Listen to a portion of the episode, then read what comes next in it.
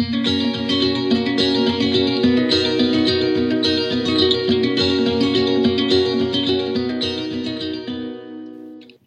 og velkommen til Danske spesial. Podkasten der vi ser litt nærmere på saker som vi mener fortjener ekstra oppmerksomhet. Mitt navn er Fredrik Ask Stensrud, og med meg i dag så har jeg ikke vår sjefstrateg Christian Lie, for han er på en velfortjent vinterferie.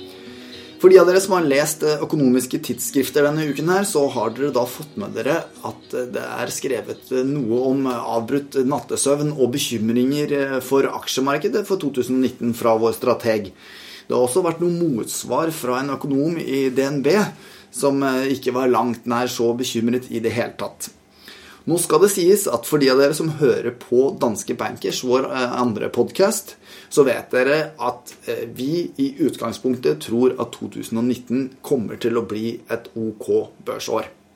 Men vi har jo fokusert mye på disse mørke skyene i vår podkast, og jeg tenkte at siden det er fredag i vinterferien, så må det være lov å unne seg litt positivitet.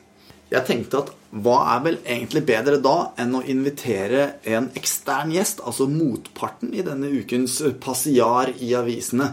Økonom i DNB, Ole Kjennerud, velkommen. Takk, Fredrik. Jeg vil gjerne vite, jeg, Ole Eller for forresten, har du vært med i en podkast før? Jeg har vært med på et par andre podkaster, ja. Det er godt, men denne produksjonen her er i hvert fall veldig uformell, så her er det lov å dumme seg ut. Eh, og det er jo da spesielt tilfelle ettersom du er fra DNB. Ja, ja, ja. Men det jeg vil vite fra deg Jeg vil vite dine topp tre grunner til at du tror at 2019 kommer til å bli et godt børsår. Ja, Hvis jeg skal trekke fram tre ting eh, Pengepolitikken i Vesten. Vi ser at Fed-putten er i gang igjen. Eh, og så har vi også tegn til at det begynner å dra seg til i Kina igjen. Eh, det kommer til å bli veldig bra for råvaremarkedene. Og så er det Europa til slutt. Kjempemye negativitet på Europa, men der mener jeg man har blitt for negative. Så du sa Fed-putten. Det må vi selvfølgelig få vite litt mer om. Dra seg til i Kina. Det må vi også få vite mer om hva det betyr. Og hva var det siste du sa? Europa i bedring. Ok, Begynn med Fed-putten. Nei, altså nå, nå, har vi jo vært nærmest vant til det siste halvannet året at Fed har gått på autopilot med nedbygging av balanse, rentene skal opp, eh, og det igjen har selvfølgelig hatt eh, negative effekter på markedene. Vi så nesten perfekt sammenheng mellom likviditetsutviklingen fra sentralbankene i fjor og det som skjedde i markedene. Mye av den nedturen vi hadde i, spesielt i desember, var en følge av likviditetsinndragning fra sentralbankene med Fed i spisen. sant? Og Nå har vi sett at Fed har eh, endret litt på tankene sine om hva de skal gjøre med balansene. Eh, de sterte til markedene og vurderer at ok, med den utviklingen vi har hatt bak oss, så er det ikke kanskje så fornuftig å fortsette å stramme til i samme tempo lenger. Og da skal de kanskje avslutte tidligere og så gå saktere frem både på renter og, eh, og balansenedbygging. Så de ser på markedene, og derigjennom eh, så, så tar de også hensyn til når ting går svakt. Det her har vi jo for så vidt vært innom, vi også, i Danske Bankers, hvor vi har diskutert fram og tilbake om duete holdninger ja, til sant. Eh, det er jo litt pussig at Fed plutselig skal bli duete med tanke på hvor bra det går i økonomien. Eh, arbeidsmarkedet er superstramt, og økonomien går fortsatt på høyger, og finanspolitikken er fortsatt ekspansiv. Likevel så sier Fed at vi skal gå forsiktig frem. Eh, så det sier litt om hvor mye de skjeler til markedene når de kalibrerer pengepolitikken. Og det tenker jeg i hvert fall inn mot 2019 blir en positiv delta, ikke en negativ delta. Ja. Så går vi over da til at det kommer til å dra seg til i Kina. Ja, og da, da er det igjen 2018 det var ikke veldig mange investorer jeg møtte som var positive til utviklingen i Kina. Eh, snarere det motsatte. De aller fleste var veldig negative og tenkte at denne økonomien var på vei inn i en resesjon. Og hvis du også ser på prisingen inn i en del markeder nå, så er det fortsatt forventninger om at det skal bli tilnærmet resesjon i Kina. Eh, det er langt, så langt fra virkeligheten som det kommer, mener jeg. altså. Eh, for det første, veksten er fortsatt ganske bra. Og i tillegg så ser vi at politikken der borte er i ferd med å bli veldig ekspansiv. Finanspolitikken så er det full gass på infrastrukturinvesteringer. Så ser vi også at eh, kredittveksten er i ferd med å, å tilta igjen. Kredittimpulsen eh, har blitt positiv, eh, og det har normalt vært en veldig god ledende indikator. Hva er kredittimpuls? Skal vi si um, Endringstakten uh, i hvor mye ny gjeld som kommer ut i økonomien. Ok. Så på, på godt norsk den andre deriverte. ok. Um, altså, ja hvor mye ny gjeld som kommer nå, kontra hvor mye ny gjeld, ny gjeld som kom i fjor, uh, det er kredittimpulsen. Og så måler vi normalt det som andel av BNP. Uh, og den har vært fallende og til dels negativ gjennom de siste par åra. Men nå har sentralbanken tilført masse likviditet i bankene. De har bedt bankene låne ut mer penger til bedrifter, og bedriftene låner mer penger også. Det er mye statsbedrifter, men Uansett, kredittveksten er på vei opp, og det har alltid ledet veksten i Kina. Eh, og, så ser vi også at dette allerede har begynt å slå ut i en del råvaremarkeder.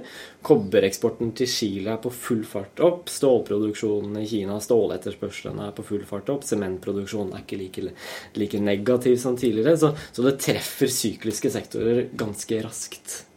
Men for, for å drive markedet, så må vel det være vedvarende, og det må også innfri. Ja, ja. Er ikke det her noe, noe, som på en måte kan være prisa inn allerede? Hvordan skal det her kunne drive markedet? Ja, men det er det som, det er, det som er greia her. Sant? Vi ser fortsatt uh, i det, en del metallpriser at uh, det ikke er forventninger om at dette skal, uh, skal, ta seg veldig mye opp. Heller det motsatte. Så er det fortsatt forventninger om at veksten inn mot råvarer og råvareetterspørselen i Kina skal bli veldig svak. det tror jeg ikke noe på med den finanspolitikken veksten som du har nå i Kina. Infrastrukturinvesteringer er noe sånn som 20% av totalen, og nå har du fått nesten opp mot 50 byer med titall, eller altså mange millioner mennesker som bor der.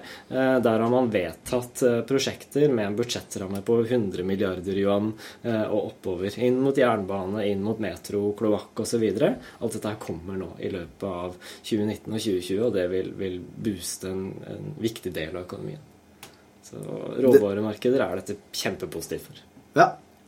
Hva var den siste saken? Så var det, Europa, så var det Europa, sant. Ja. Um, igjen eh, veldig få der ute som er positive til det som skjer i Europa. Det er ikke så rart. Eh, vi snakker jo om Italia i krise, teknisk resesjon i Italia. Tyskland unngikk akkurat eh, en teknisk resesjon i andre halvår, eh, og, du har svak forbruksutvikling, eksporten er ikke så superbra, og, og generelt usikkerhet pga. det politiske og handelskrigen og, alt det der. Men så ser vi jo da at veldig mye av den nedturen som vi hadde i andre halvår i fjor, var drevet av midlertidige faktorer, spesielt knytta til bilproduksjon, men også knytta til at reallønnsveksten ble svak fordi inflasjonen kom en god del opp. Men begge de to har allerede begynt å bli reversert. Eh, og på bilproduksjonen eh, i Tyskland steg 7% i desember. Fortsatt ganske mye å hente igjen der etter den svake utviklingen som vi hadde fra september. På forbruksveksten så viser detaljomsetningstallene allerede en ganske god utvikling. Og kommer til å uh, gi bra vekst inn i første kvartal. Men viser en god utvikling fordi forventningene er justert så mye ned? Nei, altså, du si altså farten, farten, er bra ja. relativt til det som er normalen i Europa. Mm. Det er jo Vekstpotensialet i Europa er jo svakt sammenlignet med, med, USA, men det er det strukturelle. Det er ikke så viktig for markedene. Når vi ser på markedsutviklingen og impulsen fra økonomien inn mot markedene, så er det det sykliske. Hvordan gjør du det relativt til potensialet? Eh, og da ser vi at for forbruket del så er vi nå på vei inn i en periode der, der det kommer til å bli bedre enn normalt. For produksjonen, industrien, så spesielt i Tyskland, kommer det til å bli mye bedre enn normalt. Eh, så der har du to viktige deltaer som, som trekker oppover, i hvert fall i første halvår 2019. Veldig bra, Ole. Hvis jeg våger meg på en liten oppsummering da, så kan vi si at Fed-putten, eller altså en mer duete Fed Forsikringen fra Fed, kan ja, vi si det? Ja, det, ja, det er bedre. Ja. ja. Um, altså forsikringen fra Fed om at det ikke skal være så hardhendte med rentevåpenet. Ja. Det er én av tre årsaker. Og så en eh, tiltagende trøkk i Kina. Ja, mer råvaredreven vekst i Kina. Investeringene på vei opp. Som nummer to. Og den siste da et eh, comeback i Europa. Yes. Veldig bra, Ole. Takk skal du ha. Jeg, eh, jeg vil faktisk eh, gå til Aksjeolympiaden 2019, som er en konkurranse som jeg og Christian har i den andre podkasten vår. Eh, Riktignok i samme feed som denne, så det gjør ikke noe om jeg tar det her. Nå er ikke Christian her og kan velge posisjonen sin, så derfor så skal jeg velge den for han. Noe som selvfølgelig er eh, veldig fordelaktig i en konkurranse. Forrige uke så gikk han short SMP 500. Jeg gikk short i eh, Norge. Eh, begge hadde en negativ avkastning på 1,4% Så den uken her så velger jeg å gå long brick for Christian, mens jeg shorter oljeprisen. Og det var alt vi hadde i denne episoden av Danske Spesial. Vi høres.